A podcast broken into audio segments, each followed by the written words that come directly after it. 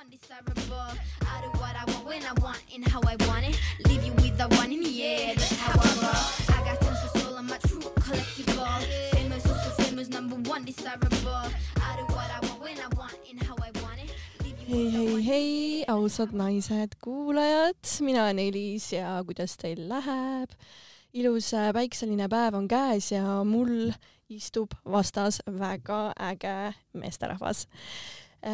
Ja täna me räägimegi siis äh, rahateemadel, rahaloomest, rahatarkusest ja mul on külla tulnud Vallo Arumäe.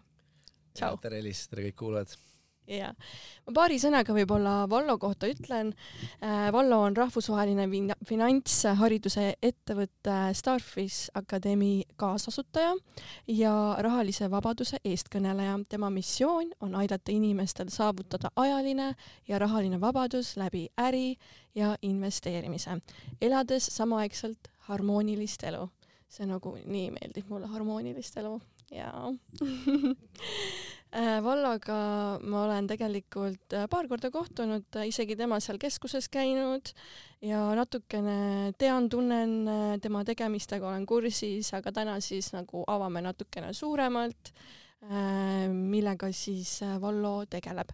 ja mm, võib-olla lähekski siis kohe nii-öelda juurte juurde või alguse juurde, et millisest äh, rahalisest mindset'ist äh, sa ise nagu üles kasvasid? kuidas sa räägid võib-olla rahast sinu keskkonnas? nojah, minu juured lähevad sellisesse eelmise nõukogude aja algusesse päris, kus äh, ma olin tegelikult päris noor, kui see nii-öelda režiimivahetus toimus ja, ja tollel hetkel ma ikkagi mäletan, et oli selline pidev nagu raha nappuses olemine, et äh, et kuna ma nii-öelda, ema käis mul siis äh, tööl ja, ja isa elas äh, meist nagu eraldi, et siis tegelikult neid äh, rahalisi vahendeid kunagi väga palju ei olnud aga sellel ajal kuidagi inimesed olid leidlikumad ja innovaatilisemad ja leidsid alati viise, kuidas tegelikult selline hea äh, kasvukeskkond äh, kodus luua, isegi kui neid rahalisi vahendeid on vähe. et, et ma ei ole kunagi nagu sellises äh, võib-olla külluslikus keskkonnas nagu kasvanud, aga, aga samal ajal võib-olla see äh, olukord tekitaski selle soovi, et, et võib-olla tahaks äh, siis tulevikus oma lastele võimaldada nagu külluslikumad äh, võimalused et et ega ma tollel hetkel noorena väga nendest asjadest äh, ei mõelnud ja väga nagu ei osanud ka puudust tunda. et alles siis hilisemas võib-olla eas, kui ma siin keskkooli lõpetasin ja kuidagi tundsin, et need majanduse teemad mind huvitavad ja sealt sai tegelikult ka see otsus tehtud, et kuna ma tegelikult täpselt ei teadnud, et mis, mis teed minna pärast keskkoolis, ma otsustasingi minna majandust õppima Tehnikaülikooli, nii et et kuidagi see soov või huvi nagu selle äri ja, ja, ja selle majanduse vastu tegelikult oli juba olemas ja tead, ma just ise ka läksin siis äh, raamatupoodi, meil on siin üks huvitav äh, raamat ka, kohe räägime sellest ka. ma hakkasin ise nagu huvitavalt vaatama, et varem olin ma oma elus nagu kogu aeg äh, seal psühholoogia, eneseabi mingi riiulite juures. Nüüd vaikselt tipa-tapa olen äh, läinud sinna majanduse juurde, et äh, mingisugune nagu asi hakkab kriipima ja koputama ja et äh, see vastutuse koht hakkab niimoodi nagu tulema, et äh, täna me siis äh, siin nagu seda kindlasti puudutame, et kui oluline on siis võttagi just vastutus enda rahaliste, rahaliste nii-öelda finantside eest, jah. Vaata, need, eks need huvid tekivadki vastavalt vajadustele, eks ju. Ja vaata, öeldakse ka, et, et õpi, õpetaja ilmub siis, kui õpilane on valmis, et noh, et sa ei saagi neid teemasid äh, kellelegi kuidagi suruda või, või nagu rääkida, kui ta ei ole ise valmis seda vastu võtma, ühel hetkel, kui su elukogemus on selline, et okei okay,, peaks tegema mingeid muudatusi, sest see ei ole jätkusuutlik, kuidas ma täna tegutsen, et siis sa hakkadki otsima neid vastuseid ja, ja siis on nagu terve nii-öelda omaette maailm avaneb silme ees. Ja ma käisingi tegelikult raamatupoes ja ma ostsin selle raamatu, noh, mõtlesin, et noh, Vallo ka muidugi kohe varsti tulemas, et äh, võtab siis äh, selle raamatu ja ja mina tõepoolest ei ole veel seda lugenud, ma tean, et kõik on väga noh, väga paljud, kes sellest huvitatud on, on lugenud, mina veel selleni ei ole jõudnud, aga nüüd see on mul olemas, nüüd ma seda kindlasti teen. et ähm, kas sul tekib ka nagu nostalgia mm, seda vaadates? jah, mul tekib selles mõttes nostalgia, et mulle lihtsalt meenub väga selgelt see päev umbes aastal kaks tuhat viis, kui ma läksin oma sõbra sünnipäevale. Ja tollel hetkel mu sõber töötas siis investeerimispankurina. Ja, ja ma mõtlesin, et kuna ta on selline tark ja, ja igati nagu nii-öelda haritud inimene, et siis raamat oleks hea kingitus. Ja, ja samamoodi läksin raamatupoodi, ma ei olnud äh, seda raamatut kunagi näinud ja vaatasin, kuna raamat räägib rahast ja ta tegeleb nagu igapäevaselt rahateemadega, et siis see võiks talle nagu sobida. Ja lihtsalt ostsin selle talle ära. Ja siis, kui ta sünnipäeval selle paki nagu lahti tegi, siis ta ütles, et aitäh, et ma olen selle juba tegelikult läbi lugenud, aga et kui siin seltskonnas on keegi veel, kes ei ole, et siis ma kindlasti soovitan seda teha. Ja siis ma läksingi järgmine päev poodi tagasi ja ostsin selle raamatu ise ja, ja ma arvan, ma lugesin selle mingisugune umbes nädalaga läbi, et, et kuigi ma mäletan nagu kooliajast, et mul raamatu lugemine ei olnud see võib-olla meelistegevus, oi, mul ka ei olnud üldse, ei et, tahtnud. et mul ei olnud nagu seda kannatli-, kannatlikkust võib-olla seda raamatut nagu lugeda ja, ja need olid pigem niisugused ilukirjanduslikud asjad, mis olid võib-olla natukene kohustuslikud ja mul oli kuidagi mingi tõrge nende raamatutega. ja siis mul oli kuidagi tekkinud tunne, et mulle ei meeldigi raamatut lugeda. ja siis, kui ma selle kätte sain ja lugesin nädalaga läbi ja see oli nagu tõeliselt põnev ja paeluv ja hästi lihtsas keeles nagu räägitud, siis ma sain aru, et tegelikult äh, lihtsalt ma ei olnud lugenud raamatuid, mis mind võib-olla kõnetasid nii isiklikult. ja, ja siis, kui ma selle läbi sain, siis ma saingi aru, et, et ma pean ikkagi tegema oma elus niisuguseid põhjalikumaid korrektuure, tegelikult see nagu investeerimine ja, ja majandusteemad ei olegi nii keerulised, kui ma võib-olla koolist äh, õppides arvasin. ja, ja siis ma loomulikult mõtlesin, et noh, nüüd ma hakkan siis kohe teisiti tegema, aga ei juhtunud mitte midagi järgmised kolm aastat. no täpselt, et äh, mina olen ka nagu täheldanud seda, et olen ma küll neid enesearenguraamatuid lugenud ja olen ka mõndasid rahalise teemalisi raamatuid lugenud, aga kui me nagu äh, ei võta sealt midagi, mida me praktikasse paneme, siis nagu need ongi lihtsalt nagu teadmised, et, et ma noh, ma arvangi, et see siin praegu ei ole ju tegelikult esimesi podcast'e, mis räägib, mis räägib sellises rahateema, rahateema, temaatikast, et ähm, et miks on siis nii, et me ikkagi nagu inimestena vireleme ja vareleme nii-öelda selle raha kesisuse käes nojah, ütleme, ütleme ühtepidi on ju ka mõistetav, eks ju, et, et meil ei ole ju seda teadlikult äh, sageli kodust ega koolist kaasa antud. et äh, noh, positiivne on küll see, et ma nüüd hetkel äh, olen ka osa niisugusest äh, rahatarkuse äh, initsiatiivgrupist, mis on siis Rahandusministeeriumi poolt eestveetav ja, ja positiivne nagu näha, et, et see on kooliprogrammidesse on tulemas tegelikult nagu teadlikult äh, neid äh, teemasid rohkem nagu sisse, aga noh, sel ajal, kui mina üles kasvasin, ei räägitud ju rahast mitte midagi ja ilmselt ka siin võib-olla mõned äh, aastad tagasi veel ei räägitud. et, et selle pealt sa ei saagi nagu nii-öelda kedagi süüdistada, et miks sa ei tea, sest kui sa ei ole õppinud, siis saagi teada. ja, ja tegelikult ka see informatsioon siis selle nagu rahatarkuse kohta ei ole olnud ka väga kättesaadav, et nüüd õnneks siin Eestis ju viimastel aastatel on see äh, võib-olla niisugust äh, väikest buumi läbi elanud ja populaarsus on kasvanud ja, ja neid kõnelejaid ja, ja ressursse on nagu tekkinud juurde. Mhm. aga see nüüd on jälle teine koht, et millist valida. nüüd on juba see, et keda, keda usaldada ja millist infot nagu valida, et, et siin on väga niisugust äh, võib-olla laialivalguvat informatsiooni ka kohati. aga jah, eks see hakkab ikkagi sellest enda nagu huvist äh, pihta, et et miks rahatarkust õppida, on see, et, et lihtsalt oma igapäevaste asjadega paremini hakkama saada, et saaks oma äh, Äh, mis iganes, arved tasutud, et sul ei oleks niisugust pidevat nagu stressi, et selline noh, niisugune ellujäämise tasand finantsilises mõttes ei ole kindlasti olukord, kus väga pikalt äh, on tervislik olla. no jaa, see tekitab niisugust kortisooli efekti kehasse ja siis, kui see pikka aega meil kehas on, siis me juba teame, siis hakkab tervis minema tuksi aga jaa, ma tahtsingi küsida, et kas raha on sulle kunagi põhjustanud mingisugust valu või mingit sellist, mida sa noh, mingit traumat või et sa ei ole saanud midagi lubada, mis on jäänud väga sügavalt nagu südamesse, mis tekitas siis sellise nagu äh, noh, muutuse mm? -hmm kindlasti on, ma võib-olla ei ole nagu siukseid nagu suuri asju nagu lapsepõlvest üles leidnud, aga ma mäletan küll, et ikkagi pidevalt oli see, oli nappus, kogu aeg pidi nagu arvestama, et mida saab lubada, mida ei saa lubada. et äh, kuna mu ema oli väga selline hoolitsev ja armastav ja toetav, et siis see kuidagi nagu, kuidagi võttis nagu selle võib-olla mingid suured traumad nagu maha, eks ju. et, et sa leppisidki, et see oligi see olukord ja ja, ja, ja tulevikus võib-olla saad siis nagu rohkem lubada. Et mul ei ole jah mingeid siukseid suuri traumasid, aga mul oli selgelt ikkagi nagu soov, et ma niimoodi ei tahaks nagu ülejäänud elu nagu elada ja tahaks kindlasti oma, oma perele tulevikus võimaldada nagu rohkem mm. -hmm. inimesed tahavadki nüüd teada, et kuidas sa siis jõudsid selle rahalise sõltumatuseni mm? -hmm nojah, sa tõid selle raamatu näiteks, eks ju, et, et ma ei tahaks ka selles mõttes seda raamatuga üle tähtsustada mm, -hmm. et, et see on nüüd nagu, et siin on kõik nagu kirjas, eks ju, mis on vaja üldse elus teha. aga, aga ta selles mõttes minu jaoks avas lihtsalt selle ukse, et avas nagu selle ukse selle rahatarkuse maailma äh,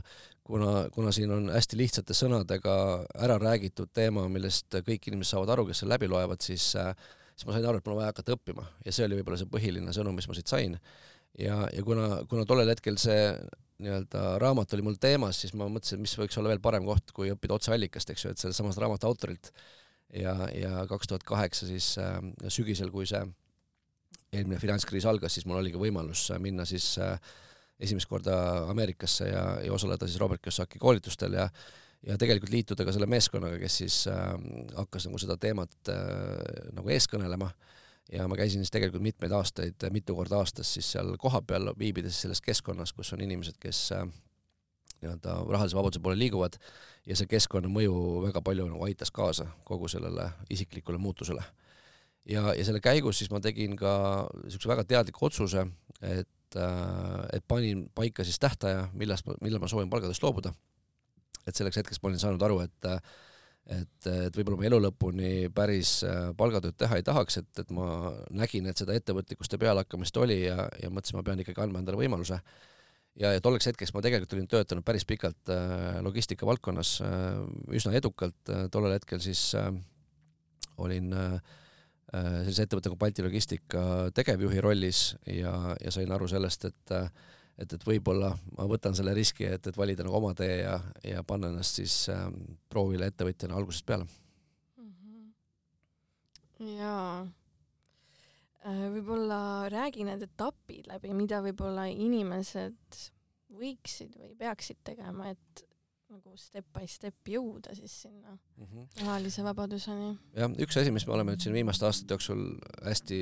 selgelt kaardistanud, on siis selline asi nagu rahalise vabaduse teekonnakaart, et meil on tegelikult selline äh, viietasemeline mudel ka sellest loodud, kus siis äh, inimesed saavad äh, lihtsasti aru, et millisel tasemel nad täna on ja, ja võib-olla muretsemata, kuidas jõuda selle nii-öelda mäe tippu, et sa pead tegelikult mõtlema, kuidas see järgmine samm astuda. et tegelikult ei pea nagu muretsema et ma ei tea, kui sa oled ellujäämise tasandil, eks ju, sa ei pea mõtlema täna passiivse tulu peale, et see on nagu liiga, liiga vara. Et sa peaksid mõtlema, kuidas siis oma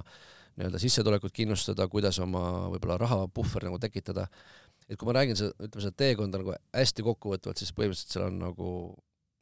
kolm etappi. üks on siis see, et hakata raha koguma, teine on see, et, et hakata siis seda nii-öelda kapitali kasvatama, mida investeerida, ja lõpuks siis see kapital muuta nagu rahavooks, mis hakkab igakuiselt su elamiskulusid katma ja, ja nüüd ongi see, et, et et pigem see väljakutse on selles alguspunktis, eks, et see kõige esimene punkt on see, et sul on süsteem, kuidas hakata raha kõrvale panema. et kui sa mõtled nagu loogiliselt, eks ju, kui sul, kui sa raha kõrvale ei pane, sul ei teki mitte kunagi kapitali, kui sul kunagi kapitali ei teki, sa ei saa mitte kunagi tekkida rahavoogu, mis su elamiskulud kinni katab.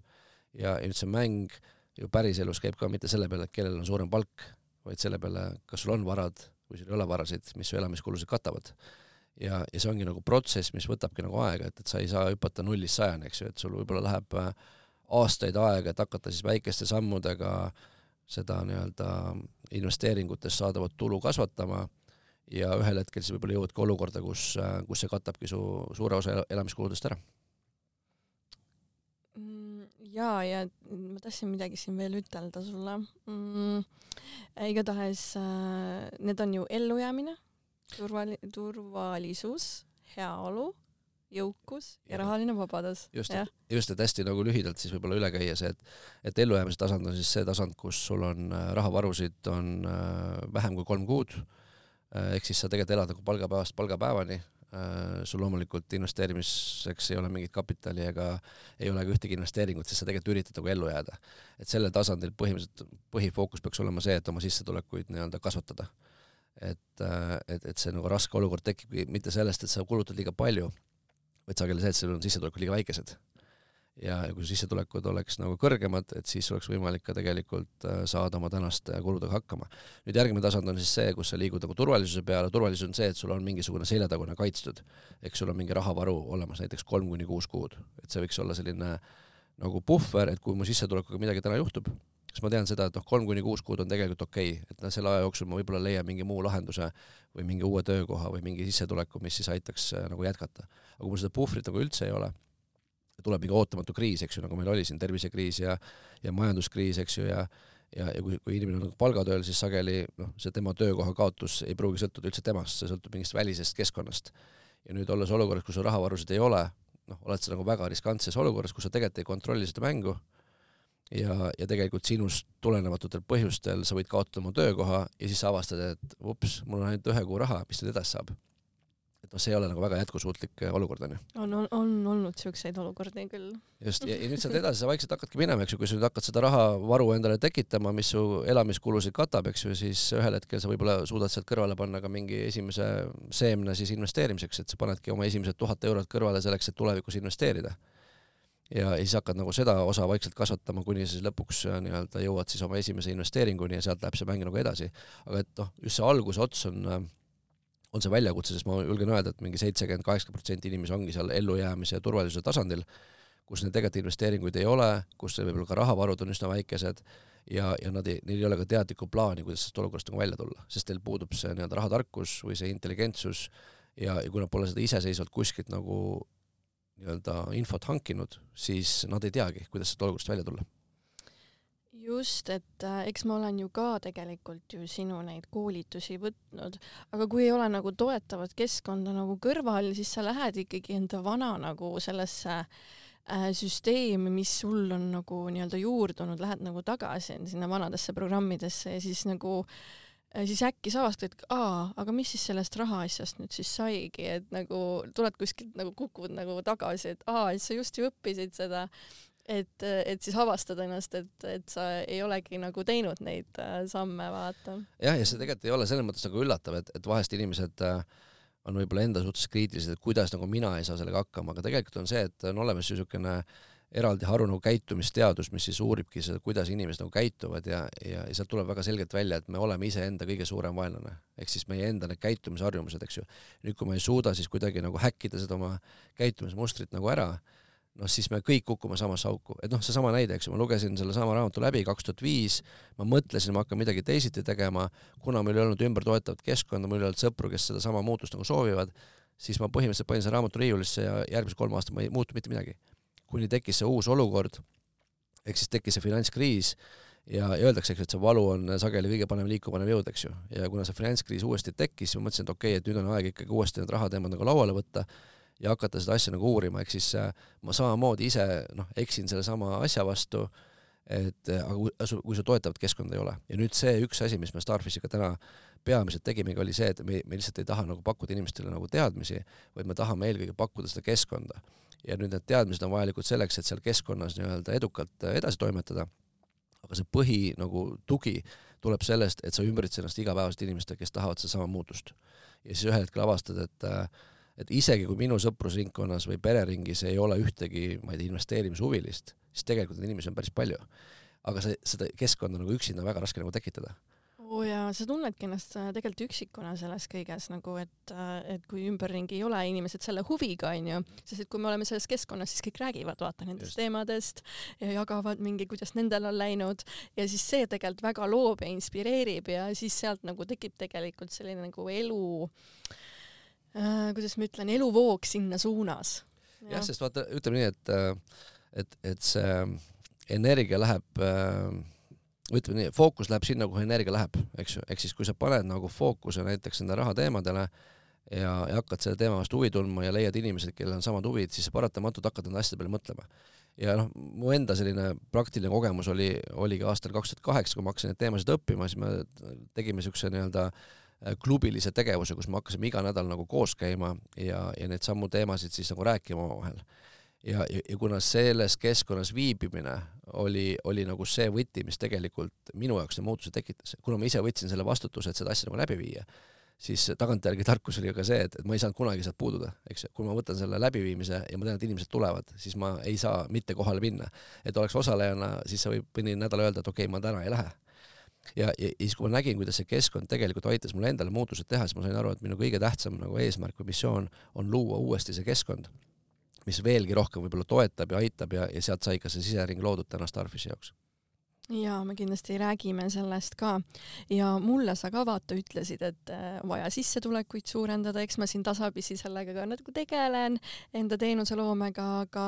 ma näengi, et harjumused mingil määral nagu noh, tõmbavad tagasi, onju. et ma tunnen, et minul inimesena on kindlasti vaja sellist äh, mingit kindlat süsteemi, et ma näen, miks ma seda teen, kas on mingid tulemused, onju. et äh, võib-olla üt-, võib-olla sa oskad inimestele mingit süstemaatilist harjutust just äh, öelda, mida nad, kuidas nad võiksid pihta hakata, et äh, enda rahaasju ja rahaharjumusi nagu muuta, et isegi kui ei ole nagu mingid meeletult suured äh, sissetulekud. Ja et tegelikult ma ütleks, et võib-olla kaks kõige esimest sammu, number üks on see, et täita ära oma isiklik finantsaruanne, ehk see tähendab seda, et, et sa saad nagu aru, kus sa täna oled, et ükskõik kui hea või halb see pilt ei ole, sa vähemalt tead, see on nagu raha tervisetõend, eks ju, et ma ei taha küll arstilt seda diagnoosi saada, aga parem, kui ma tean, et mul see nagu nii-öelda mingi viga seal on, eks ju, et ma saan hakata vähemalt sellega tegelema. et finantsaruanne on nagu sama asi, et et sul on selline tulud-kulud, varad ja kohustused, sa paned korraks selle tänase pildi, fikseerid ära, sa vaatad sinna peale ja nüüd on otsustamise koht, eks ju. kas see on okei okay,, et see nii on või ma näen, et ma peaks midagi nagu muutma. ja minu jaoks oligi see, et kui ma täitsin selle esimest korda äh, ära ja avastasin seda, et, et mul ei olnud varade lahtis mitte ühtegi asja, mis mulle igakuiselt nagu raha toovad ja ma sain aru, et kogu mäng käib selle peale, et kas mul on varad, mis hakkavad raha tooma mulle sisse mingil hetkel või mul neid ei ole. ja, ja see oli nagu see äratuskõne koht, et äh, et, et see võib olla ka paljude jaoks, kes seda esimest korda nagu teevad, eks ju, ja see, ja see esimene pilt ei peagi olema nagu meeldiv aga nüüd on küsimus see, kas see valu on see, mis paneb uuesti nagu liikuma, eks ju, et see on esimene asi ja teine on seesama ikkagi see kogumine. Äh, ma kasutan teadlikult sõna kogumine, mitte säästmine, et minu jaoks nagu säästmine on nagu selline võib-olla nagu soodsalt asjade saamine või, või kuidagi nagu kokkuhoidmine äh, mingite ostude pealt, aga see kogumine on see, et see on nagu raha kõrvale panemine. ja nüüd on see, et sul peab olema süsteem, et igal sissetuleku või palgapäeval panna mingisugune raha kõrvale, ehk siis sulle nagu laekub see raha sinna ühele kontole. Ehk siis äh, noh, see on umbes sama teema, et, et äh, kui sa sööd nagu suppi, onju, siis sul on nagu üks suur pott, eks ju. et, et, et kui sa hakkad nagu sööma, siis sa peaks sööma nagu taldrikute kaupa, jagama seda taldrikutesse laiali, eks ju, ja sama on nende kontodega, eks ju, kui sul laekub see palk ära, sa pead tegelikult äh, tõstma need taldrikutele laiali. Ja, ja nendel taldrikutel ongi erinevad nimetused, et mingi osa on elamiskulud, eks ju, siis on sul võib-olla mingi meelelahutus, mingid pikaajalised säästud, eks ju, tahad oma tuleviku jaoks, ma ei tea, reisi jaoks või millegi suurema ostu jaoks raha kõrvale panna siis on sul näiteks eneseareng, et sageli inimesed äh, nii-öelda ütlevad, ma ei saa kuskile, ma ei tea, mingit teemat õppida, kuna mul ei ole täna raha. aga sul ei ole raha sellepärast, et sa tegelikult ei ole teadlikult seda kõrvale pannud, sest äh, noh, varem või hiljem meil tekib mingeid teemasid, mida me tahaksime õppida, nii et eneseareng on kindlasti üks teema, mille jaoks tasuks natukene kõrvale panna. Siis seesama investeerimine, eks ju, või rahaline vabadus, et sul on mingi konto, kus sa kas või mingi väikse protsendi, kas või ühe protsendi kuus Äh, pane nagu kõrvale. ja, ja siis ka heategevus, eks ju, et võiks olla ka midagi võib-olla, mida siis ühel hetkel nagu tagasi anda. ja nüüd, kui sul need kontod on nagu valmis, siis põhimõtteliselt on see, et, et iga kord, kui palk laekub, sa ei tee mitte ühtegi kulutust enne, kui sa oled jaganud kuueks nagu kontoks laiali ja siis sa saadki kulutada täpselt nagu selles ulatuses, mis seal kontol nagu raha on. ja, ja nüüd on see, et, et üks põhilisi nagu argumente või, või nii-öelda vabandusi või müüte, mis inimestel on, on see, et ma ei saa veel praegu panna, kuna mu sissetulekud on täna nii väikesed siis, siis see süsteem ei sõltu sissetuleku suurusest, et sul võib olla ka nagu väga minimaalsed äh, sissetulekud, aga sa saad sealt selle ühe protsendi kõrvale panna, et ja sa saad tegelikult selle harjumuse ka juba kaasa vaata. ehk siis see mõte ongi see, et see harjumus on palju-palju tähtsam kui see, kui see suurus, mida sa suudad kõrvale panna. ja kui sul on näiteks, ma ei tea, tuhat eurot äh, on sissetulek, siis kas sa suudad äh, panna näiteks ühe protsendi sealt kõrvale, noh, see on, sa pead leid-, elama see üheksa, üheksakümne euroga järgmine kuu ja mis, mis see käitumisteadus nagu uuris äh, inimeste kohta välja, oli see, et, et kui sul on nagu vähem vahendeid ja vähem ressursse, siis sa muutudki loovamaks ja innovaatilisemaks ja sa leiad selle lahenduse, kuidas ka selle väiksemaga hakkama saada. aga me lihtsalt enda peas nagu põhjendame ära, et ma ei saa selle süsteemiga alustada, sest mul on täna väiksed sissetulekud või ma ei tule niikuinii täna välja. Ehk siis, et, et sa hakkadki nagu väikeste sammudega eh, seda harjumust nagu tekitama ja, ja kui see süsteem hakkab nagu tööle, siis sa nagu leiad need viisid, kuidas võib-olla järgmisel kvartalil võib-olla tõsta ühe protsendi pealt kahe protsendi peale. ja siis ta hakkab nagu vaikselt nagu minema ja nüüd nagu pika aja jooksul see omab nagu hästi suurt nagu efekti. ja me just äh, seal samal rahatarkuse päeval nagu rääkisime sellest äh, pensioni teemast, eks ju. et äh,, et, et, et see nii-öelda pensioni nii-öelda summa, mis inimestele kätte jääb, täna nagu liiga väike, et seda peaks nagu tulevikus tõstma nüüd, kui võtta lihtsalt selline näide, et äh, kui inimesed paneksid ainult sada eurot kuus kõrvale investeerimiseks ja investeeriksid sellesse, ütleme, noh, ütleme ajalooliselt SB viiesaja, eks ju, laiapõhjalisse indeksfondi, siis neljakümne aasta jooksul sellest sajast eurost kuus saab üks miljon eurot. ehk siis nüüd on see, et küsimus on see, et millal ma alustan sellega, kas ma üldse seda teen ja mis on see summa, mida ma kõrvale panen. et see, et, et seal võib-olla nagu selles pensioni nii-öelda fondis ei ole inimestel võib-olla elamiseks piisavalt on sellest, et see summa võib liiga väike, sest see on ka protsent nagu sissetulekust onju ja sealt ei pruugi seda sadat eurot kokku tulla, eks ju. aga noh, kui võtame lihtsa arvutuse, eks ju, kui see toob sulle umbes kümme, üksteist protsenti aastast tootlust ja sa teed seda neljakümne aasta jooksul, siis sellest sajast eurost kuus saab üks miljon, kahesaja eurost kuus saab kaks miljonit. et need on nagu siuksed nagu suurusjärgud, mis vastavad nagu tõele, et te võite nagu selle kalkulaatori võtta internetist ja selle läbi arvutada. Aga tegelikult nii-öelda ja, ja siis vahest inimesed ütlevad, aga mis ma seda kümmet eurot või sadat eurot panen aga see ongi see, et see nagu ühe-kahe kuu jooksul see ei mõjutagi väga palju, aga väga pika aja jooksul see nagu mõjutab väga-väga palju. ja kui sa alustad. kui inimesed näevad seda suurt summat lõpuks, siis nad nagu noh, jõuab reaalsus ka kohale, onju. muidu saad... on nagu, et mis see väike summa ei aita mind ju midagi, onju. jah, et sa saad ju tegelikult selle läbi arvutada, aga jah, ma ütleks jah, et, et isiklik finantsaruanne, tea, kus sa oled ja teiseks siis see süsteem ja nüüd seesama see kogumise süsteem, noh, sul on võimalik alustada põhimõtteliselt järgmisest palgapäevast mm. -hmm. et aga kas need on siis nagu mingi kogumishoiu, nagu kogumishoiuse mingid kontod või mis kontosid sa mõtled? no ütleme nii, et meil on tegelikult selle kohta eraldi kursus, et mm -hmm.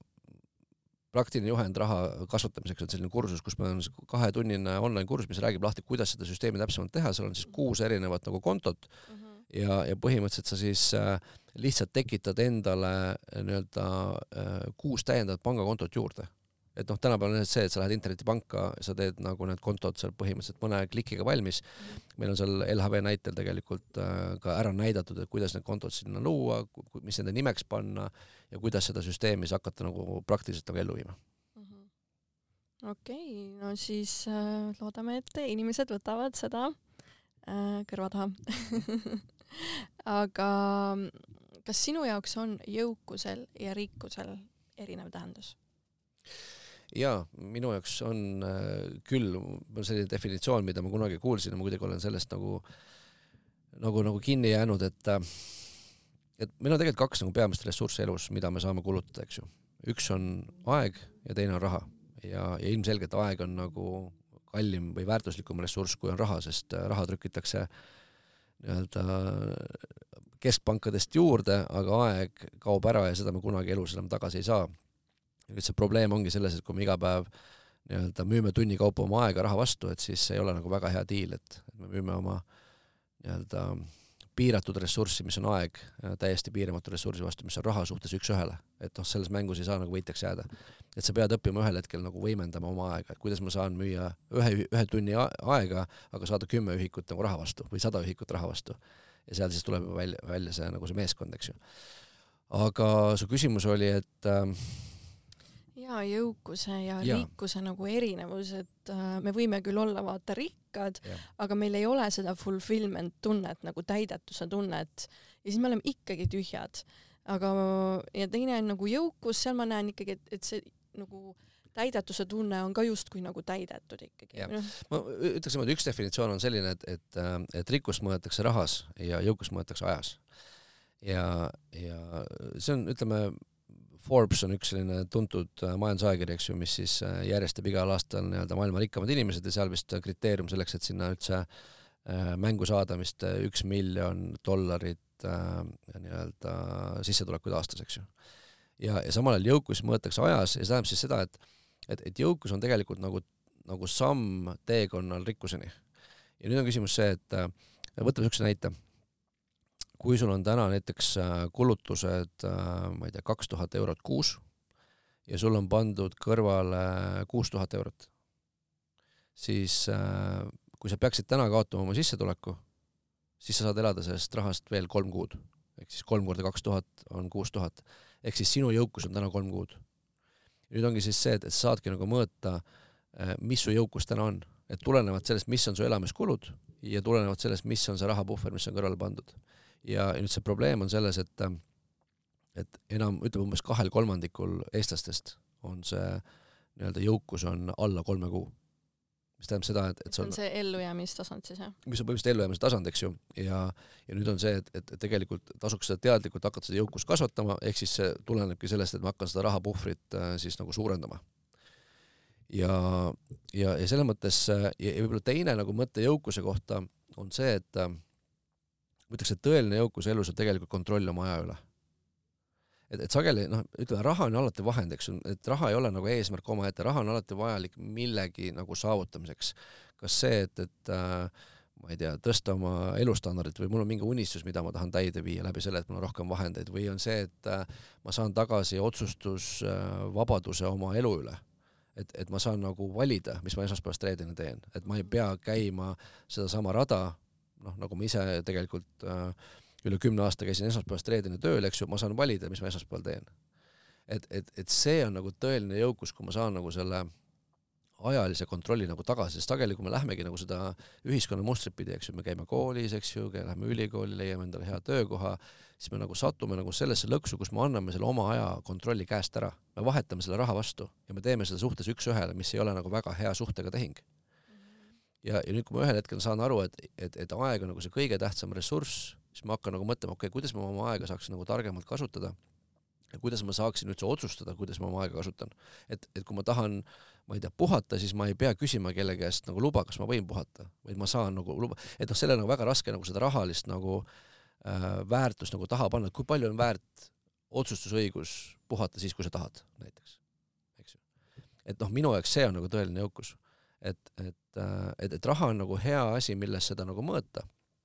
Aga see tulemus väljendub siiski selles, et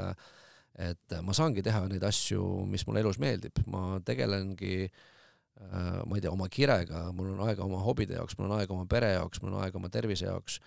et, et, et sellel nagu noh, väga, väga raske mingisugust nagu rahalist mõõdet panna, see on igaühe jaoks loomulikult erinev. aga, aga see on see, miks me mi,, miks minu jaoks see rahalise vabaduse teema hakkas nagu kõnetama, oligi see, et kuidas ma saaksin oma elu tagasi mis ma olen tegelikult äh, nii-öelda lihtsalt seda süsteemi järgides andnud ära äh, enda aja, noh. enda aja oma töövõtjale, eks ju mm. -hmm. et noh, õnneks oli küll see, et, et see töö, kus ma, mis ma käisin, oli oli õnneks äh, nagu paindlik, ma olin tollel hetkel ju tegevjuhi rollis, mis noh, üks nagu kõrgemal positsioonil tegutsedes sa saad ikkagi natuke rohkem seda paindlikkust juurde. aga mul ei olnud tegelikult ikkagi valikut, kas ma saan nüüd näiteks äh, järgmine nädal nii-öelda puhata või ma lähen nagu tööle, et ma pigem ikkagi olin nagu kohustatud ju neid tegevusi tegema, mis ma olin vastutuseks võtnud. ja ma tunnen täiesti sama, ma olen olnud nagu samasuguses kohas, kus ma nagu tunnen, et et ma olen nagu kohustatud, ma pean lihtsalt, onju, ja samas äh, tegelikult tahaks, et oleks see vabadus ja see ongi see valukoht, mis hakkab tekkima, vaata. ja siis äh, sealt äh, ilmselt väga paljud äh, noh, hakkavadki mõtlema, et leida mingeid uusi suundi, kuidas edasi liikuda. ütleme selle vabaduse kohta veel seda, et et see vabadus on ka hästi ilus sõna, eks ju, et noh, kui küsida inimesi, kas sa tahad vabadust, siis ma arvan, et kõik tahavad vabadust, eks ju. aga, aga see vabadus on äh, see on kindlasti väärtus, kindlasti peaks endasse nagu vaatama, et kas mul see vabadussoov üldse on, ma usun, et on väga mitmeid inimesi, kes on väga rahul sellega, et nad ongi nagu hõivatud ja nad ei tahagi seda vabadust väga saada, eks ju. aga minu jaoks kuidagi see vabadus on olnud üks nagu selline võtmesõna, millest, äh, mida ma olen väärtuslikuks pidanud, aga selle vabadusega kaasneb üks teine väärtus, see on, selle nimi on vastutus. ehk siis hästi huvitav on see, et see vabadus ja vastutus käivad alati käsikäes. et, et sageli nagu tahetakse seda vabadust, aga ei olda valmis võtma seda vastutust, mis kaasneb selle vabaduse saavutamisega ja nüüd on see, et kui sa nagu tahad ühte, aga sul teist ei ole, siis noh, see ei ole nagu väga realistlik. Nüüd ongi siis see, kas sa võtad nagu sada protsenti vastutuse kõige eest, mis su elus juhtub, ja kui sul asjad ei lähe niimoodi, siis ma ei süüdista sellest väliskeskkonda, ma ei süüdista teisi inimesi, vaid ma vaatan peeglisse, ütlen, et okei okay,, Vallo, mida sa pead nüüd teisiti tegema, sest see, mis sa praegu oled teinud, see ei tööta. et vaatame nagu faktidele otsa, onju. ja, ja miks see finantsaruanne on nii oluline, on see, et et, et see finantsaruanne on, on sinu tänase mõtteviisi peegeldus, see on nagu peeglisse vaatamine mm et sa võid sõnadega öelda, et ma tean küll, kuidas need asjad käivad, ma tean küll, kuidas investeerimine käib, kuidas see, kuidas siin äh, on võimalik saada üüritulu ja passiivset tulu, mis iganes, aga kui ma vaatan su finantsaruandesse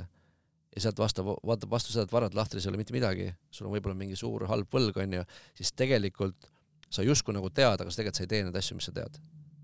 ja, ja see on nagu see koht, kus siis tuleb olla enda vastu aus ja öelda, et äh, okei okay,, ma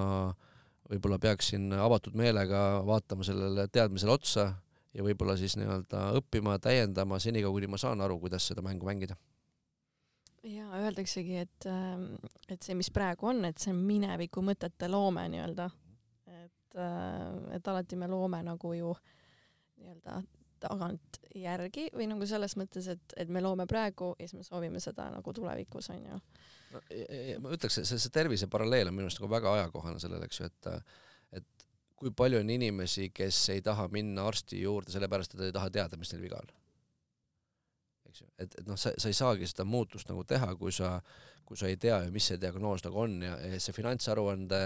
nagu äratäitmine, noh, ei ole selles mõttes nagu meeldiv protsess, et me tegelikult sisimas ju alateadlikult teame, et meil ei ole asjad korras aga me ei taha nagu vaadata peeglisse. seda tõde näha ja siis Vallo tuleb lihtsalt nagu tee ära aga noh, nüüd ongi see, et, et vaata, mina saan aidata neid, kes on valmis seda muutust tegema, sest minu ülesanne ei ole kedagi veenda, sest ja, ja, ja. mul on selles mõttes asjad on nagu enam-vähem okei okay,, eks ju. et, et aga nüüd on see, et kui sa oled valmis ja sa tahad seda sammu astuda, et siis loomulikult noh, saab öelda ausalt välja, et kuule, et see, vaata seda kohta, et seal on see probleem peidus jah, no öeldakse ka, et töö tegemisega tegelikult me ju rikkaks nagu ei saa, vaid nagu meil ongi vaja neid ähm, ha seda haridust nii-öelda ja neid ähm, neid oskusi ja neid harjumusi ja noh, vaata selle töö tegemisega on ka natuke võib-olla selline müüt natuke, eks ju, et et ma kindlasti ei usu nagu sellesse, et sa saad rahaliselt vabaks, siis sa enam ei tööta et, et mm, -hmm. et sa, mhm. sa teed niikuinii seda tööd edasi, sa mm -hmm. lihtsalt fokusseerid äh, nagu teistele asjadele, ja. et sa ei fokusseeri sellele, kuidas saada oma aja eest rohkem palka, vaid sa fokusseerid sellele, et kas see tegevus, mis ma teen, loob mulle tulevikuks varasid. et kas see ettevõte, milles ma tegutsen, et ma võingi seal tegutseda mitu aastat nagu tasuta, aga kui see loob mulle vara, mis võib-olla viie aasta pärast äh, toob mulle ühe korraga suurema sissetuleku, siis see on ikkagi nagu mõistlik tegevus, et ma ei, ma ei tööta nagu lühiajaliselt selle ühe kuu äh, nii-öelda tunni müümise nimel, vaid ma, ma töötan varade loomise nimel, see on hoopis teine fookus. et ma töötan ikka edasi ja ma tänase päevani, eks ju, et ja, ja sa lood väärtust selle, et lähed kooli varsti ju ja, midagi rääkima, onju, et et jällegi see, et, et see noh, seesama see universumi seadus, eks ju, et äh, mida rohkem sa annad, seda rohkem sa saad, eks ju, et äh, jällegi ma ei tea, mis selle asja nagu see järelmõju on, aga ma tean seda, et kui ma teen positiivseid asju, mis aitavad teisi inimesi, siis kuskilt see tuleb nagu ringiga sulle tagasi. jaa, täpselt, andmine, andmine, üks punkt, mida sa tegelikult mainisid kuskil, mida sa oled välja toonud, et vahet ei ole, kas ma olen palgatöötaja või ettevõtte, ettevõtja, kui meil puudub see süsteem, siis ikkagi oleme nii-öelda teadmatuses, mida me teeme ja kuidas me tegutseme, et see on nagu hea point tegelikult, äh, sest enamus arvavad, et ettevõtja noh, et neil on, neil on rohkem võimalusi ja noh, et nagu on paremal järjel, aga sa oled ka rääkinud, et kuidas ettevõtjad nagu täiega nagu hustle ivad ja täiega nagu ei ole seda tagalat, ei ole seda vara, onju jah, et, et äh, ütleme nii, et äh, ettevõtjal on nagu omad lõksud, et sul on nagu palgatöötajal on ühte tüüpi lõksud, aga ettevõtjal on teised lõksud ja sageli arvataksegi, et see ettevõtlus on niisugune tõotatud maa, eks ju, et ma nüüd äh, tulen, tulen palgatöölt ära ja hakkan ettevõtjaks ja kõik maailm on järsku ilus. ja siis avastad seda, et sa kaheksa tunni asemel teed järsku kakskümmend tundi päevas tööd ja ühel hetkel oled läbi põlenud ja, ja tegelikult võib-olla lähed sinna palgatööle tagasi. et, et noh, igas selles valikus on tegelikult omad äh, omad ohud ja võimalused. ja, ja ettevõtjal samamoodi, et ma arvan, et see kõige suurem oht on see üksikettevõtjana tegutsemine, et see on ikkagi hästi lihtne nagu läbi põleda, et kui sa noh, ma ei tea, oma ettevõttes palgatöötajana nagu täitsid mingisugust äh, väikest äh, võib-olla tükki sellest süsteemist või mingit rolli, siis järsku sa avastad oma ettevõttes, sa pead nagu kõiki rolle täitma et, et kui sa ennem, äh, ma ei tea, said olla lihtsalt hea suhtleja, siis nüüd sa pead olema ka, ma ei tea, raamatupidaja no, jurist ja kõike muid asju. sotsiaalmeedia hea turundaja, ma ei tea, hea copywriter, äh, kõik, kõik, kõik ja vahepeal on seda nagu too much. aga noh, nüüd ongi see, et tegelikult see, noh, see pääsetee on ikkagi see, et, et hästi kiiresti ja hästi teadlikult ikkagi hakata seda meeskonda nagu looma, et, et mitte keegi ei ole jõudnud elus väga kaugele üksinda tegutsedes. Ja, ja nüüd see, nüüd see fookus siis tegelikult lähebki nagu see üksinda tegutsemiselt, individuaalselt tegutsemiselt siis nagu koos tegutsemisele ja, ja leida siis see meeskond, leida siis need võimalused, kuidas äh, need meeskonnaliikmed oleksid motiveeritud sellesama missiooni või eesmärgi nimel panustama, mida sa tahad teha. Mhm. ja, ja sa ei pea alati ju seda nii-öelda rahas äh, kompenseerima, eks ju, et kui ma tahtsingi just tegelikult küsida, et kui mul ei ole nagu kohe neile mingit palka maksta, vaata, et äh... et see on nagu hästi tüüpiline jällegi noh, nii nagu on see mõttemuster, et ma ei saa täna raha koguda, sest mul ei ole täna piisavalt sissetulekuid, on sama tüüpiline see, et ma ei saa täna meeskonda kasvatada, sest mul ei ole täna piisavalt vahendeid. aga see tegelikult ei vasta tõele, sa pead lihtsalt nagu olema loovam ja leidma need viisid, eks ju, et et kui sul on äri, millel on potentsiaali noh, sa saad alati mis iganes kaasata nad osanikeks, paluda samamoodi panustada ettevõttesse, eks ju, või, või siis leida mingisuguseid muid äh, vahetustehinguid, eks ju, milles seda aega nagu kompenseerida. Äh, või siis on see, et sa maksadki neile tulemustasu, et ütleb, et kuule, me oleme siin koos äh, seda asja nagu tegemas, kui me suudame koos välja mõelda, kuidas tulu saada, siis ma hea meelega maksan selle tüki sellest kasumist ka sulle mm. -hmm. jaa, väga good point, jah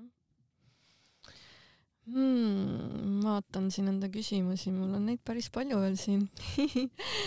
ähm, sul oli see üks koolitus ka või selline veebinar, et äh, et kuidas nagu samm-sammult kasvatama, kasvatada oma jõukust ilma, et vajaksin finantsnõustajate abi. palju üldse kasutatakse finantsnõu nagu nõustajate abi praegu? tead, ma ausalt öeldes väga ei tea, ütleme Eestis võib-olla see on nagu vähem levinud mm, -hmm. USA-s on näiteks see, et, et seal on see financial advisor on lausa selline amet, mida sul on seal enam-vähem nagu kohustuslik kasutada. et see on terve tööstusharu on selle ümber ehitatud, eks ju, et Eestis võib-olla on vähem, noh, ma arvan, seda tööd võib-olla täna teevad võib-olla pangad, eks ju, kes kutsuvad sind mingitele konsultatsioonidele ja ja pakuvad siis võib-olla võimalusi neid pangatooteid äh, sealt äh, valida. aga aga, aga jah, ütleme sageli selle asja mõte oli pigem selles, et et, et sa ei pea nagu lootma mingile eksperdile, kes teab sinust rohkem. et sa pead võtma vastutuse, kui sa tahad vabadust saada, sa pead võtma vastutuse, need asjad endale ise selgeks teha, see võtabki aega, see on protsess, eks ju,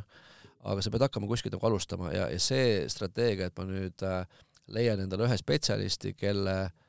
kellele ma panen kogu vastutuse. kogu vastutuse, võtan, võtan kõik need teadmised, kopeerin üks-ühele need teadmised ja siis ütlen, et kuule, kui asi ei töötanud, siis see on selle inimese süü, kes mulle seda nõu andis, eks ju. et noh, see on üks põhjus, miks me näiteks Starfishis mitte kunagi ei anna inimestele finantsnõu, et me anname neile selle, ikkagi selle õnge, et nad õpiksid ise kala püüdma, aga me ei anna seda kala. Kuigi seal väga paljud tahaksid tegelikult. et see on, üks on see, mida inimesed tahavad ja teine on see, mis ma, mis me teame, et tegelikult on neile väärtuslik ja kasulik ja, ja äh, üks asi võib-olla, noh, me oleme rääkinud ka sellest juba siin, aga et mis ma tahaks rõhutada veel, et me kõik oleme mõelnud, et kõrge palga, palgaline on lähemal rahalisele sõltumatusele, kuid tegelikult see päris nii ei ole, et sa oledki maininud, et kuidas siis madalapalgaline ja väikeste kohustustega inimene võibki olla rahalisele sõltumatusele hoopis lähemal äh, kui siis äh, suurte kohustustega jah, ja see täpselt nii ongi, et tegelikult noh, see tuleb hästi välja selles samas simulatsioonis, et mis me täna oma intensiivkursustel ka teeme, on siis see, et me kasutame seda nii-öelda cashflow mängu nagu niisuguse simulatsiooni ja õppimise vahendina, et kuna me oleme nii-öelda selle endale noh, koolitus äh, nii-öelda töövahendiks võtnud ja aastaid nagu praktiseerinud, kuidas sealt need õppetunnid nagu välja tuua, siis äh, võtame korraks selle definitsiooni uuesti, mis see, see sõltumatus on, eks ju, rahaline sõltumatus on see, kui sinu investeeringutest saadavad tulud katavad ära su elamiskulud. nüüd siin selles valemis ei ole sees niisugust asja, et kui suur on su palk näiteks. et ehk siis see, kui suur su palk täna on,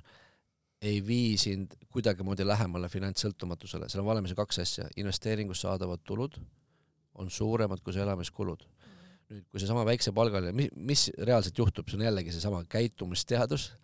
ma olen selle ise läbi teinud, eks ju, mida, mida rohkem su sissetulekud kasvavad, seda rohkem sa hakkad kulutama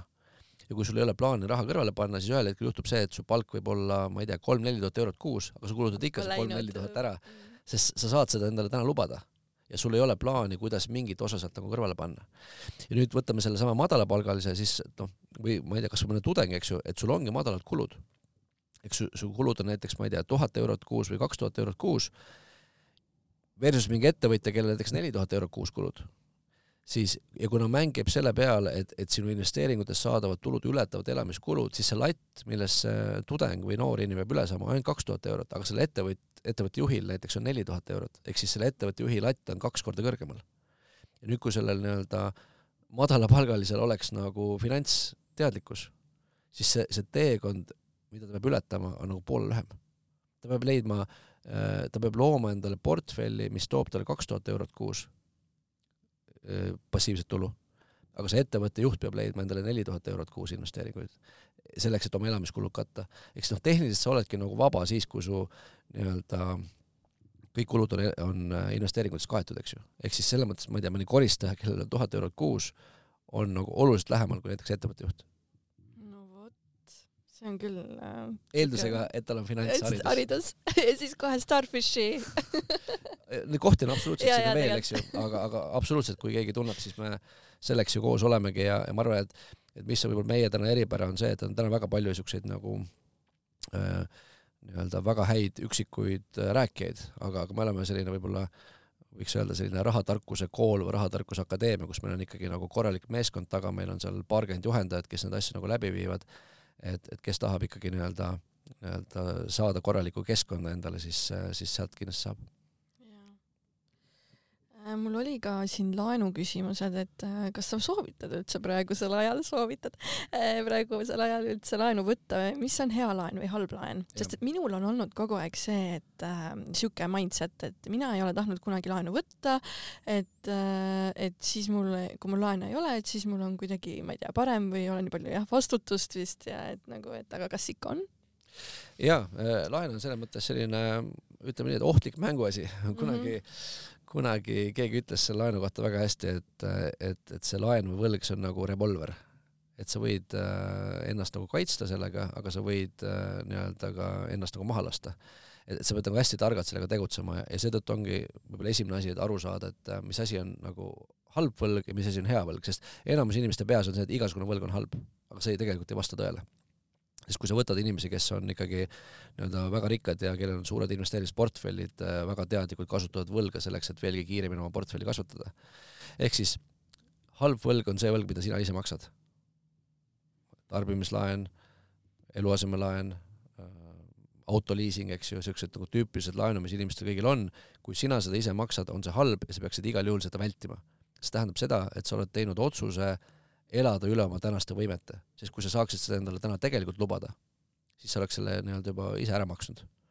aga kuna seda endale lubada ei saa, siis sa võtad endale selle halva võla ja nüüd sa jääd nagu selle halva võla külge kinni. ja nüüd, kui sissetulekuga peaks midagi juhtuma, siis sul ei ole mitte lihtsalt kulud, vaid sul on lisaks ka kohustus panga ees, et seda võlga maksta, millest sa nagu väga ei pääse kuidagimoodi. et sa oled nagu veel raskemas olukorras. ja nüüd teistpidi on olemas niisugune asi nagu hea võlg, mis on siis selline võlg, mida keegi teine maksab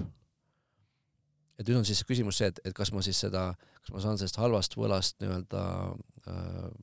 nagu loobuda, ehk siis nagu tagasi maksta või ma saan muuta selle halva võla heaks võlaks. ja see oli üks asi, mis ma kunagi ise nagu läbi tegin, et saades aru lihtsalt sellest nagu raha sõnavarast, mis asi on hea või halb võlg äh,, oli mul olukord siis, kui ma, kui ma palgatöölt ära tulin, siis mul oli tegelikult üks väga halb võlg, see oli mu eluasemelaen ja ma olin just ehitanud endale maja ja, ja, ja selle kuna need intressid just tõusid nii nagu täna umbes, eks ju, et sul see Euribor kõvasti tõuseb, siis kaks tuhat kaheksa, kaks tuhat üheksa oli see olukord sama, oli ütleme, see tänane hetk on natuke déjà vu sellest viieteist aasta tagusest ajast, kus ma ise hakkasin asju õppima. et kui keegi praegu tunneb nagu niisugust väikest ärkamist, siis see on nagu väga hea hetk, sest see valu on järjest nagu suurem, eks ju. ja mis siis oli, oli see, et, et mul oli äh, eluasemelaen, mis võttis viiskümmend protsenti mu igakuistest sissetulekutest. kuna Euribor tõusis, mul oli väga suur laen äh, ja ma sain seda laenu endale lubada, siis ühel hetkel see oli viiskümmend protsenti mu sissetulekutest ja siis ma tegin otsuse, et ma tahan nii-öelda palgatöölt ära tulla ja hakata nii-öelda iseseisvalt tegutsema. ja siis ma sain aru, et, et ma pean nagu selle probleemi ära lahendama, sest muidu ma seda sammu astuda ei saa ja nüüd oli kaks valikut, kas ma müün selle oma kodu ära, mis ma olin nii-öelda oma siukse, kus ma olin oma tulevikku nii-öelda ette näinud, et, et ma saaksin selle laenu nagu tagasi maksta. või oli see, et kui ma üürin oma kodu välja, astun ise ühe sammu elus tagasi, eks ju, et selle asemel, et siis äh, hoida kümne küünega kinni, ma üürin selle kodu välja, keegi teine kolib sinna sisse, hakkab maksma mulle üüri, mis katab ära ka selle nii-öelda laenu, siis see halb laen muutub minu jaoks heaks laenuks. ja, ja mis siis oligi, oli see, et, et ma sain aru, et, et see on nagu targem otsus ja nüüd noh, sellega seotud on sama see mugavuse ja vabaduse teema, millest me võib-olla täna natuke räägime, eks ju, et et, et kui me tahame sellest mugavusest kinni hoida, siis me vahest hoiame kinni ka nagu seda vabaduseni jõudmist. ja, ja kuna ma sain aru sellest, et, et kui ma tahan vabaduse poole liikuda, siis ma pean laskma sellest kodust nagu lahti, et ma pean astuma ühe sammu elus nagu tagasi selleks, et tulevikus astuda kaks sammu edasi. mis ma tegin, oli siis see, et ma põhimõtteliselt üürisin selle maja välja, kolisin endale, kolisin nii-öelda üürikorterisse, nii-öelda läksin siis justkui noh, natukene väiksematesse tingimustesse noh, mis tegelikult ju ei muutu kuidagi nagu seda elu nagu keerulisemaks, eks, et ma sain väga hästi ka seal hakkama, aga ma pidin tegema mingi järeleandmise oma mugavuses. ja nüüd tänu sellele, et keegi teine hakkas minust laenu maksma, siis ma ühel hetkel jõudsingi selleni, et, et äh, mul oligi see nii-öelda maja oli aastaid nagu välja üüritud ja, ja tegelikult ka see nii-öelda laen sai kellegi teise poolt makstud ja, ja selles mõttes äh, see oli minu jaoks tegelikult hoopis täiendav sissetulek, ehk siis asi, mis võttis mult varem ütleme umbes tuhat eurot kuus, hakkas mul ühel hetkel tooma tuhat eurot kuus sisse. ehk siis ainult sellesama rahatarkuse või selle definitsioonist arusaamise väärtus minu jaoks oli kaks tuhat eurot kuus see on päris suur summa, eks ju. ja nüüd on see, et ma oleks võinud jääda sellest mugavusest kinni hoida või on see, et ma lasen nagu lahti, arutan need asjad nagu läbi ja ma vaatan, kui see nagu töötab, et see üüritulu katab ära selle nagu laenumakse, siis äh, minu jaoks tegelikult finantsiliselt läheb olukord paremaks ja tänu sellele ma sain lubada selle otsuse üldse sellest palgatööst loobuda, sest ma, ma ei oleks saanud äh, mul ei olnud veel piisavalt nagu sissetulekuid, millega ma oleks saanud nagu nii suurt kulutust katta. ma pidin tegema mingisuguse sellise rihmapingutuse oma kulude osas ka ja see oli nagu hästi suur tükk, mis oli vaja nagu ära lahendada. aga kui ma selle tüki ära lahendasin, ma lahendasin viiskümmend protsenti probleemist ära. see nõuab nii palju esiteks eneseusaldust ja see, et sa oled valmis nagu riskima. Jah, ütleme nii, et ühtepidi ma ütleks niimoodi, et mis asi risk üldse on, risk on nagu kontrolli puudumine. et kui sa tead, mis sa teed siis sa tegelikult, sa ei võta nagu väga suurt riski, see võib tunduda teistele nagu hästi riskantne, aga kui sa arutad selle läbi, sa teed hästi teadliku otsuse äh, ja sa omad selle olukorra üle kontrolli mm, -hmm. siis et tegelikult see risk ei ole nagu nii suur. et see pigem oli see võib-olla möönduse tegemine oma mingis elustandardis, eks ju, sest noh, sageli on see, kui me jõuame elus kuskile, eks ju, meil on juba mingi positsioon või inimesed arvavad, et kus me oleme elus jõudnud, on ju, siis öelda nüüd seda, et okei okay,, ma astun nagu sammu tagasi, et see nagu hästi nagu kuidagi nagu valus inimestele nagu teha. aga sel hetkel ma sain aru, et jällegi, et finantsaruanne ei valeta, kui ma vaatasin numbritele otsa, mul on kaks valikut, kumma valiku ma teen. ja see valik tundus nagu parem valik, ma jätsin oma emotsioonid kõrvale ja see otsus sai niimoodi tehtud. jaa, panid mõtlema mis võiks olla rahalise sõltumatuse pürgiva inimese portfellis? Äh, sa mõtled nüüd inimese, kes on alustamas või sa mõtled inimene, kes juba alustamas ja pigem? No ütleme nii, et laias laastus on ju nagu kaks erinevat investeeringut, et ma arvan, see on ka üks asi, et, et inimesed äh, võib-olla näevad seda investeerimist kõik nagu ühe suure tükina, et jällegi nagu see taldrikutes jagamine oli, eks, et jagame selle kahesse taldrikusse kõigepealt, üks on nagu kapitali kasvutehingud, mis tähendab seda, et ma ostan midagi odavalt, lootuses seda kallimalt maha müüa. ma ostan aktsia ja loodan, et see aktsia hind tõuseb. ma ostan mingi kinnisvara ja ma tahan selle, ma ei tea, kolme aasta pärast kallimalt maha müüa. see on nagu üks mäng. teine mäng on see rahavoomäng. ehk siis ma ostan midagi just eelkõige selle rahavoo pärast, mis hakkab mulle iga kuu mingit sissetulekut tooma ja ma ei plaani seda mitte kunagi müüa. ja, ja nüüd on see, et erinevates etappides sellel teekonnal ma pean nagu kasutama erinevat strateegiat, kui ma olen nagu teekonna alguses, siis mul on vaja see kapital nagu üles kasvatada et mul on vaja nagu teha need tehingud, kus ma saangi odavalt osta, kallimalt nagu maha müüa ja kui see kapital on piisavalt suur, siis ma saan selle kapitali panna nagu rahavootehingutesse, mis hakkab siis maksma minu elustiili igakuiselt nagu kinni. et, et siin ei saa nagu seda nagu seda kahte mängu nagu segamini ajada ja tuleb siis nagu õigel ajal nagu õigesse mängu minna, eks. Ju, et, et mida kaugemale sa jõuad, seda rohkem, see on minu nii-öelda lähenemine olnud eluaeg, on see, et, et et mida kaugemale ma jõuan, seda rohkem ma pean minema rahavoomängu ja, ja ma võtan, ja ma võtan järjest väiksemaid riske tegelikult, mida, mida suuremaks see portfell nagu kasvab. et kui alguses on see, et noh, kuidas ma selle kapitali üles saan kasvatada, ma saan äh, tekitada oma lisasissetuleku, ma saan oma praegusel töökohal, ma ei tea, liikuma kõrgemale positsioonile äh,, kuidagi oma tänases töökohas sissetulekut kasvatada, ma võin mingeid asju maha müüa, näiteks ma ei tea, kellelgi on mingi, ma ei tea, mootorratas garaažis on ju, noh, ma tahan teha suurt elumuutust, võib-olla ma võin selle mootorratta ära maha müüa. et sa teed siukseid nagu ühekordseid viise oma selle kapitali kasvatamiseks. ja, ja sa võid teha ka investeeringuid selleks, et seda kapitali kasvatada. aga lõpuks, päeva lõpuks sa tahad saada rahavoogu, sa tahad seda, et sa saad elada äh,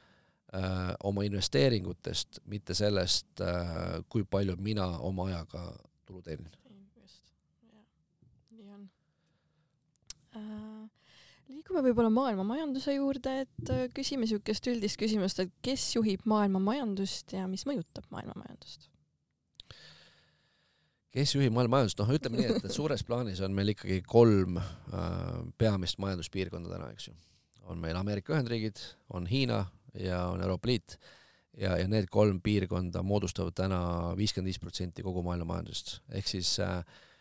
äh ükskõik riik, ütleme, iga riik maailmas on seotud vähemalt ühe majanduspiirkonnaga ja kui nendes piirkondades läheb nagu hästi, siis läheb nagu maailmas tervikuna hästi ja kui see läheb halvasti, läheb tervikuna halvasti. et, et me oleme praegult, noh, mulle tundub, sellise suurte nagu muutuste keskel, kus on siis võib-olla mulle, mulle väga meeldis, Ray Dalio kirjutas just värskelt ühe raamatu, mille nimi oli äh, Changing World Order ehk siis muutuv maailmakord, mis räägib sellest siis, äh, kuidas ta vaatas nagu ajas tagasi viimased äh, äh, paar tuhat aastat, kuidas need impeeriumite vahetused on toimunud ja ja ta jõudis seal sel-, selliste selgete mustriteni, mis nagu iga, iga saja või paarisaja aasta tagant korduvad. ja sealt tuli nagu välja, et me oleme just praegu sellist nagu impeeriumi nagu vahetuse tsüklis, mis siis on hästi selline äh, keeruline konfliktide rohke aeg, mitte ainult nagu äh, Äh, majanduslikud konfliktid, vaid ka sõjalised konfliktid ja nii edasi ja seda me tegelikult ümberringi ka näeme, et, et justkui nagu maailm on veits nagu segamini, eks ju. on küll jah, et ma tahtsin küsida, et, äh, et siin lähevad mõned näiteks pangad äh, on ju pankrotti, et mis edasi ja kuidas edasi? Jah, no seal on, on loomulikult mingeid süsteemilisi vigu, mida parandatakse, eks need keskpangad üritavad, nende ülesanne on seda majandust täna nagu käimas hoida ja, ja süstida seda raha sinna nagu juurde, aga noh, sellele äh, nii-öelda rahatrükil on ka nagu teistpidised mõjud, eks ju, et see ikkagi see inflatsioon on täna meil väga-väga kõrge ja see ikkagi igat inimest, kes siis nagu raha eest tööl käib, puudutab nagu väga-väga otseselt. et, et selles mõttes me oleme jah, me oleme niisuguses keerulises majandusajas, ma arvan seda, et, et see mõnda aega ilmselt äh, võib veel kesta, aga ma arvan, et globaalses majanduses on ikkagi niisugused suuremad muutused, kus siis võib-olla nii-öelda sellise nii-öelda, ma ei tea siis kahjuks või, et selle ikkagi selle lääne ja võib-olla USA Äh, eestvedamine võib-olla nii-öelda mõju järjest väheneb ja, ja selle nii-öelda Hiina mõju järjest kasvab, et paratamatult sellised nagu trendid on siin täna toimumas ja, ja ma noh, selgelt näen ikkagi seda, et sellise viieteist-kahekümne aasta perspektiivis ikkagi Hiina tõenäoliselt on maailma suurim majandus. ja kas sularaha siis kaob ära täitsa? mis sa arvad? kusjuures sularaha kasutus juba praegult väga väike, see on mingi mõni protsent vist, eks ju mm, -hmm. et kui nüüd need digitaalsed äh, Äh, valuutad siin järjest kasutusele võetakse, eks ju, hiinlased võtsid selle eelmisel aastal ju kasutusele, USA, Euroopa Liit, erinevad teised keskpangad on täna seda nagu loomas, et ega me täpselt ei tea, kuidas see seda äh, rahakasutust mõjutab, aga jah, see suund ilmselt on väga selgelt nagu sinnapoole. Hiinas saab isegi ju Face ID-ga juba maksta, lähed poodi ja skännitakse Face ära ja. jah, no eks seal on, ütleme sellisel nagu süsteemil on omad plussid ja miinused, eks, et kellegi jaoks selline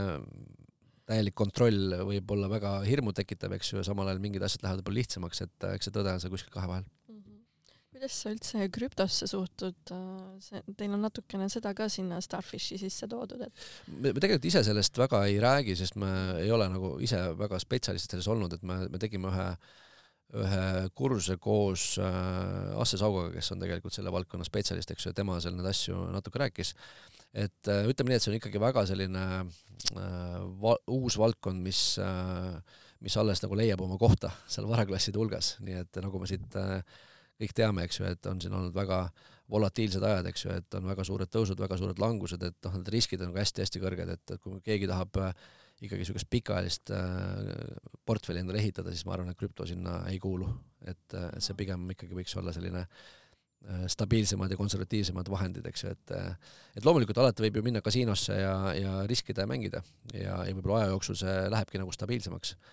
aga, aga ütleme nii, et väga suuri, äh,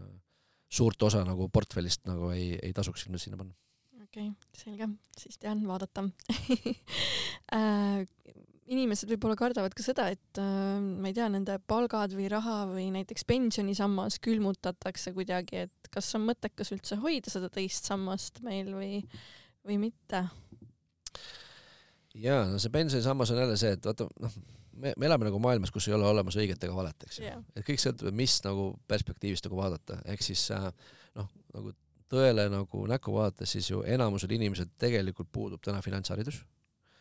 ja, ja riigi ülesanne on ju tegelikult äh, hoida nagu riiki toimimas, et aidata ka neid nõrgemaid. nüüd pensionisüsteemi äh, eesmärk ei ole kunagi olnud äh, asendada sinu palgatulu. et äh,, et seda on tegelikult ka välja öeldud, et, et riigi võib-olla eesmärk on siis see, et äh, et ta suudaks säilitada umbes kuuskümmend protsenti su elustandardist. ehk siis, kui sa käid tööl, eks ju, ma ei tea, said tuhat eurot, on ju, siis riik ütleb, et okei okay,, kuussada eurot ma võin nagu üleval pidada, kui sa nagu selle pensionisüsteemiga nagu liitud ehk siis tegelikult see see pensionisüsteem on ju põhimõtteliselt nagu kohustuslik viis seda raha kõrvale panna, ehk siis kui inimesed oleksid kui seesama käitumisteadus nagu välja jätta, onju, kui inimesed oleksid piisavalt targad, et ise seda teha, noh siis seda justkui ei oleks nagu vaja, aga me juba teame ette, et nad ei tee seda. ja, ja nüüd, kui, kui seda pensionisüsteemi ei oleks, siis riik võtaks endale nagu meeletu koormuse, sest lõpuks keegi peab ju need inimesed nagu üleval pidama ja kuskilt peab see raha nagu tulema. Nii et see kõik nagu sõltub positsioonist, et kui ma võtan nagu hästi äh, kuidas ma ütlen, hästi isiklikust nagu vaatevinklist äh, mõtlemata ühiskonna peale, siis äh, loomulikult, kuna ma oskan täna investeerida tõenäoliselt kõrgema tootlusega, kui on see pensionifondid, siis äh, minu jaoks on igati mõistlik võtta see raha ja investeerida seda raha ise. aga ma tean seda et, et äh, üheksakümmend viis protsenti inimestest tõenäoliselt ei ole selleks suutelised. ja nende jaoks on parem, kui see on süsteem, kus nad ei saa raha välja võtta, sest kui nad võtavad selle välja, siis nad äh, tegelikult kulutavad selle raha nagu ära. nii et see on nagu, sõltub, et kui suurt sotsiaalset vastutust sa nagu võtad selle arvamuse avaldamisel, onju et ma saan nagu riigi seisukohast äh, väga hästi aru, et, et miks see tegelikult on vajalik äh, süsteem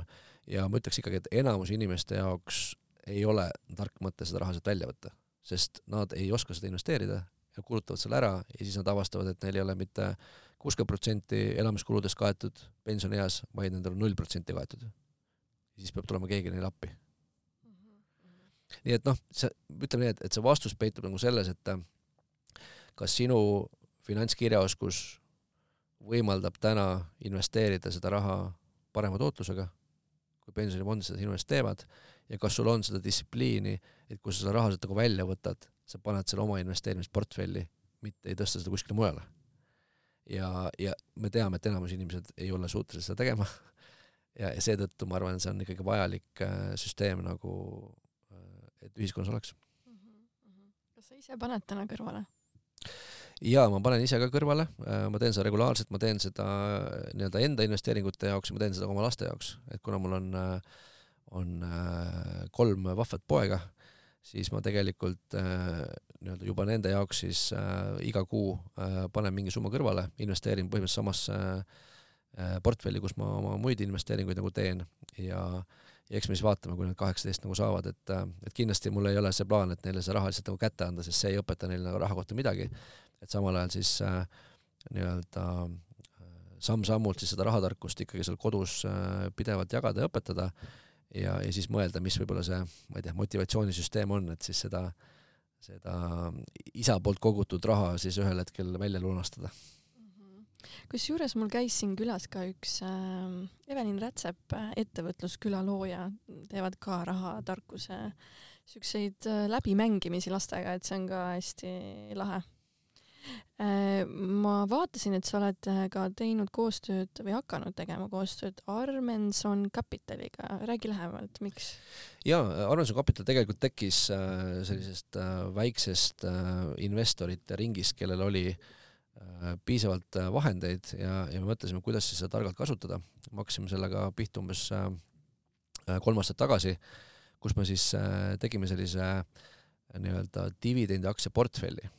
eks ju, et kui nagu hästi nagu laias laastus öelda, et, et sul on nagu kasvuaktsiad, on ju, mis on siis need, et, et loodad, et see tõuseb nagu kõrgustesse ja siis on sul nagu dividendiaktsiad, mis on pigem nagu väärtusaktsiad, kus sa tegelikult ei taha seda kasvu saada, vaid sa tahad saada seda kindlat dividendi tootlust. et see on niisugused hästi stabiilsed ettevõtted, kes ei kasva väga palju, aga kelle nii-öelda finantsid on piisavalt tugevad, et igal aastal kasumist mingi osa oma nii-öelda osanikele välja maksta. ja kuna see väärtusaktsia on konservatiivsem kui kasvuaktsia, siis me mõtlesime, teeme sellest veel konservatiivsema toote, mis on siis põhimõtteliselt nagu äh, väärtusaktsiate portfell, kus on siis niimoodi, et seal on meil täna kuusteist erinevat ettevõtet, äh, kus mitte ühegi osakaal ei ole rohkem kui kümme protsenti, mis tähendab seda, et, et kui seal isegi ühe ettevõtte kuueteistkümnest peaks kuidagi majandustulemus halvemaks minema, siis see tegelikult ei mõjuta see portfell väga palju. ja, ja me võtsime sellesama positsiooni, et, et me tegime siis selle nii-öelda äh, seoses nagu Hiina nii-öelda turuga, ehk siis ta on põhimõtteliselt nagu Hiina dividendiaktsiate portfell ja, ja see nagu eeldas ka seda, et, et kuna Hiina kohta nagu väga nagu raske informatsiooni saada, et siis meil õnneks olid nagu niisugused äh, kontaktid ja analüütikud, kes siis äh, võib-olla natukene jagavad seda siseinfot, et mis seal Hiinas nagu toimub, et me saime need valikud sealt teha ja, ja see portfell on väga hästi nagu läinud meil kasvama, et, äh, et eelmisel aastal näiteks, kui SB viissada indeksi kukkus mingi kakskümmend protsenti ja ja tehnoloogiaaktsiad kukkusid siin üle kolmekümne protsendi, siis meie portfelli eelmine aasta kasvas kaheksa koma viis. ehk siis me lõime SB viitesajat umbes kahekümne kaheksa protsendiga.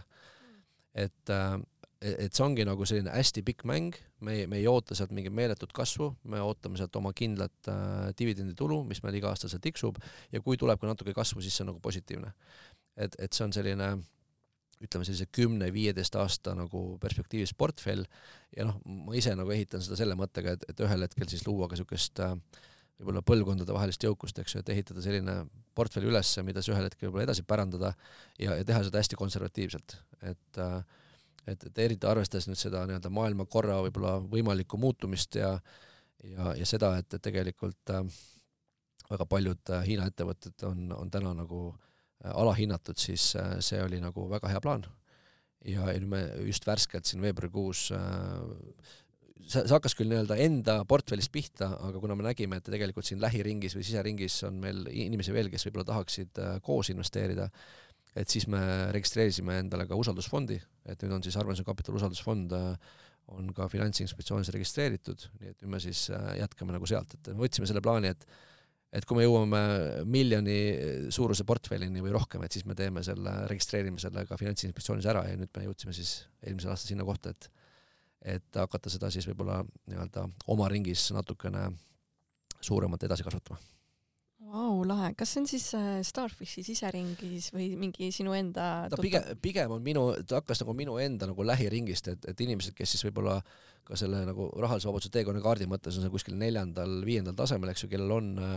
on vahendeid, et, et see, et see ei ole kindlasti mõeldud nagu väikeinvestoritele, et see on mõeldud noh, ütleks niimoodi, et inimese, kelle ütleme, varade väärtus on umbes miljon ja kes ütleb seda, et okei okay,, sealt ütleme kümme, kakskümmend protsenti panna äh, sinna sellesse Hiina dividendifondi on nagu mõistlik äh, raha hajutamine. Ja, ja sealt siis läheb see asi nagu liikuma, nii et meil see minimaalne summa, mis me täna üldse vastu võtame, on seal täna viiskümmend tuhat eurot ja ilmselt lähiajal sada tuhat eurot, et me alla selle äh, ei hakka seda üldse nagu pakkuma kuskile. ja see on puhtalt ainult niisuguses nagu lähiringis, et me seda avalikult ei paku, me selle kohta kunagi reklaami nagu ei, ei tee kuskil ja see on pigem siis läbi isiklike tuttavate, keda me tunneme, keda me usaldame ja kes me teame ka, kust see raha pärit on okei okay,, no väga lahe um, võib-olla põgusalt räägime sellest Starfishist ka korraks, et, äh, et räägi võib-olla, mis see sisering on, mis te seal teete. Äh, see tundubki kuidagi nagu nii äge ja vipp, et nagu sihuke. ja äh, noh, tegelikult sisering on põhimõtteliselt kõigile inimestele, kes on täna valmis seda muutust nagu tegema. Ehk siis äh, täna on olnud eelduseks see, et nad on läbinud äh, meie intensiivkursused, meil on siis olemas intensiivkursus null, üks ja kaks, kus ma julgeks öelda seda, et inimesed, kes need läbi käivad, äh, teavad rahaasjadest rohkem kui üheksakümmend viis protsenti inimestest. et sa saad nagu selle baashariduse, sa saad selle õige mõtteviisi kätte, sa saad aru, mille peale see mäng käib ja saad hakata oma seda plaani koostama, et mis see minu järgmine väike samm on. ja siseringis on siis see, et me käime regulaarselt koos, meil on seal äh, nii-öelda paar korda kuus on siis äh, sellised füüsilised kohtumised, äh, kus me saame kokku, kus me siis räägime erinevatel teemadel nii kinnisvarast, ärist kui ka muudest investeeringutest, äh, inimesed jagavad siis oma nii-öelda rahalise vabaduse plaane, ehk siis kus nad täna hetkel nagu on ja mis nende järgmise poole aasta nagu plaan on. Ja, ja me, me seal koos tegutseme natuke selline nagu mastermind grupp, eks ju te saate nagu füüsiliselt kokku või? jaa, me saame, me saame füüsiliselt kokku, aga sellel koosolekul on võimalik ka siis nii-öelda kaugemalt online'is osaleda, et meil näiteks on väga paljud inimesed on täna Tartust, mõned on kuskilt Rakverest ja Viljandist, eks ju, et kes tahavad, äh, siis mõned korrad tulevad kohale, mõned korrad on online'is, et nad saavad nagu mõlemat pidi osaleda. ja, ja selle rahalise vabaduse plaani nagu eesmärk on just see, et, et me, et kuna meil kõigil on teatud nagu finantsintelligentsuse tase olemas ja me oskame neid asju juba märgata, siis kui keegi esitleb oma plaani, siis me kõik tervikuna saame küsida, kuule, aga miks sul see äh, miks sul see suvila sul seal kohustus lahtris on, miks sa nagu raha ei teeni? et noh, me küsime võib-olla niisuguseid küsimusi,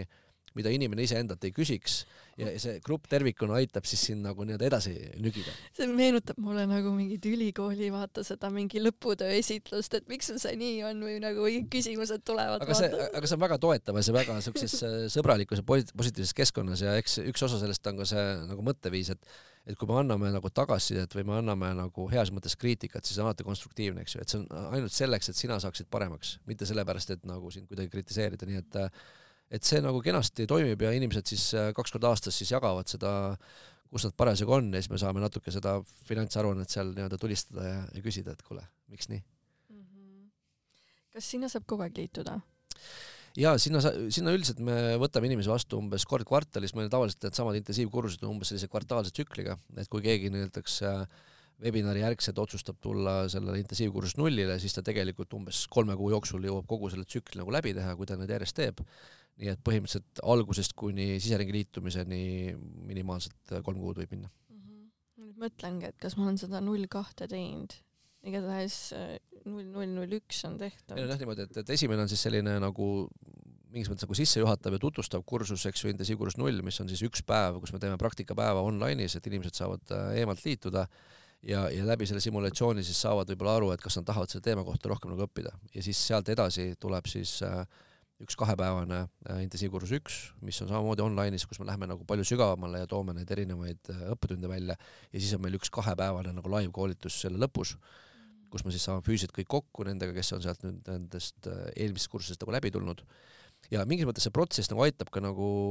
heas mõttes nagu filtreerida või välja sõeluda inimesi, kes tõesti seda muutust tahavad. et kui sa tahad nagu natukene õppida, siis sa saad väga palju kasu intensiivkursusest. aga kui sa tahad ikkagi seda muutust tõesti teha, siis sa käid selle teekonna lõpuni ja sa tuled ka siseringi ja seal me juba mängime seda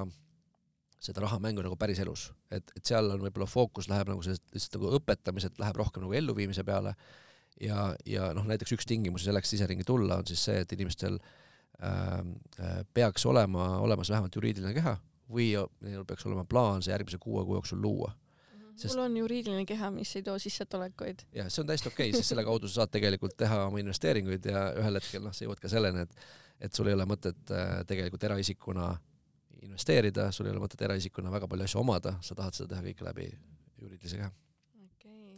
ja sealt tekib kindlasti see mindset'i muutus. mis inimesed ise on öelnud, mis on tagasiside või mis neil endal mingid muutused on toimunud, mis sul on tulnud? Tead, äh, mul on päris äh, üllatavaid lugusid olnud, me tegelikult tegime, kes, kes meid on jälginud, siis me eelmise aasta, viimase kaheteist kuu jooksul tegime kaksteist webinari siseringi liikmetega, kus me lihtsalt jagasimegi neid lugusid, et inimesed, kes on tulnud täiesti valge lehena, sageli sattunud täiesti juhuslikult siia intensiivkursusele, näinud äh, mõnda reklaami Facebookis või mõni sõber on soovitanud ja siis ühel hetkel avastanud, et kui põnev see maailm tegelikult on. Ja, ja seal on väga ägedaid siukseid muutusi, kus äh, inimesed, kellel ei ole kunagi ettevõtet olnud, kes ei ole kunagi investeerinud, ühel hetkel siis äh, omavad seal mitut kinnisvara, on oma ettevõtte asutanud äh, ja, ja, ja teevad nagu väga suuri samme nagu väga lühikese aja jooksul. ehk siis äh, loomulikult see, see teekond kindlasti võtab nagu aega, et siin ei peaks nagu valesti aru saama, et, et sa tuled nüüd siseringi ja siis sa, ma ei tea, aasta pärast oled finantsiliselt vaba. aga see kindlasti kiirendab seda protsessi. ja, ja nüüd on see, et, et kui sa seda üksinda teeksid siis äh, sa ei jõuaks paljude asjadeni nagu mitte kunagi. ja, ja selle siseringi väärtus on see, et, äh, et seal tekib niisugune asi nagu kollektiivne tarkus. et, et sa ühel hetkel saad aru, et aga ma ei peagi kõiki asju teadma. kui mul on ümber inimesed, kes teavad neid asju, ma saan alati küsida ja ma tunnen neid inimesi, nad on minu, minu nii-öelda sõbrad, lähedased, eks ju, ma võin alati juurde astuda, ma saan teha nendega üks-ühele kohtumise ja nad räägivad mulle, mida nad teevad. et me, me olemegi seal selleks, et jagada üksteisega neid isiklikke kogemusi ja see kiirendab seda protsessi, sest sul on alati olemas see ressurss, kelle poole pöörduda. Versus see, et sa hakkad üksinda kodus välja mõtlema, loed mingeid raamatuid, kuulad. kuulsid ja kuulad ja. neid mingeid raamat, jah, raamatuid või siis podcast'e onju. ja, ja, ja proovid üksinda hakkama saada, et, et see ongi see, et et kui me räägime ikkagi ettevõtlusest ja investeerimisest, mis on kaks peamist vahendit, kuidas jõuda finantsvabaduseni, siis äh, see on meeskonnasport. ja, ja nüüd on see, et, et kui me tuleme sellest individualistlikust maailmast äh, siis nagu selle nagu muutuse arusaama tegemine, et ma pean liikuma üksinda tegemisest koos tegemisse, seal on nagu hästi palju potentsiaali mm. -hmm. Yeah. keskkond, põhiline. keskkond on alati tugevam kui su tahe yeah.. kas on veel midagi, mida ma ei ole küsinud, mida sa tahaksid veel kuulajatele öelda? Äh, ma tahaks öelda seda, et äh, rahaline vabadus on tegelikult võimalik igaühe jaoks. see on absoluutselt igaühe jaoks, kõik sõltub ainult sellest äh, kui väga sa tahad ja kas sa oled valmis nagu pühenduma. et, et see ei ole kindlasti nii-öelda äh, lihtne protsess, see nõuab kindlasti nagu avatud meelt, seal on nagu teatud väärtused, mis on olulised, et äh, võib-olla tooks kiirelt välja need kuus väärtust, eks ju, mis ma olen nagu näinud äh,, mis ühendab neid inimesi, kes nagu edu saavutavad. esiteks on seesama see vabaduse soov, eks ju, ja teiseks valmidus võtta vastutust, nagu enne rääkisime siis äh, kolmandaks on ettevõtlikkus. ettevõtlikkuse all ma ei pea silmas, et sa pead olema mingi suur ettevõtja, aga et sul peab olema nagu valmidus ka tegutseda. et väga paljud inimesed nagu räägivad ja nad justkui nagu teavad, aga nad tegelikult neid asju nagu ei tee. ja, ja see ettevõtlikkus, noh, minu jaoks sümboliseerib seda, et, et sa oled valmis äh, seisma oma sõnade taga ja tegema ka need asjad ära, mis, millest me nagu räägime. siis neljas asi on äh, koostöö, eks ju, jällegi sama, et, et mitte teha üksinda, vaid teha asju koos, et see on nagu niisugune nagu mõtteviisi koht. Et äh, on väga palju inimesi, kellele meeldib üksinda asju teha. Ja see, see ongi tegelikult väga suur nagu takistus sageli,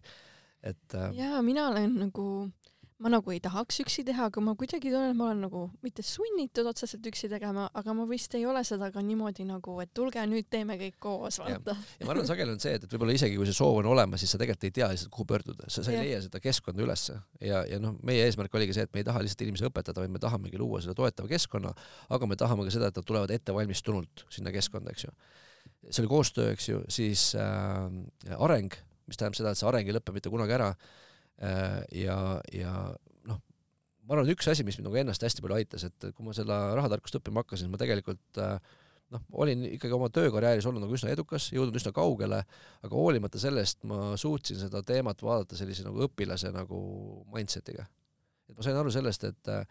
et isegi kui ma päris palju asju tean mingist valdkonnast, siis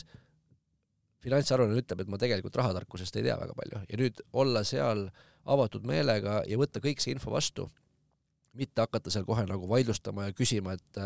et miks nii ja ma tean ise paremini, kuidas ma peaksin tegema, eks ju, ma lihtsalt võtsin selle informatsiooni avatud meelega vastu ja ma lihtsalt viisin selle nagu otse ellu. ja, ja selle tulemusena see muutus nagu juhtus. et, et oleks ma läinud seal nagu nii-öelda võtnud nagu pool nagu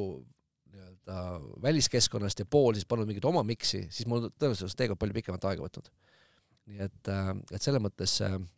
see areng äh, ei lõpe kunagi ära.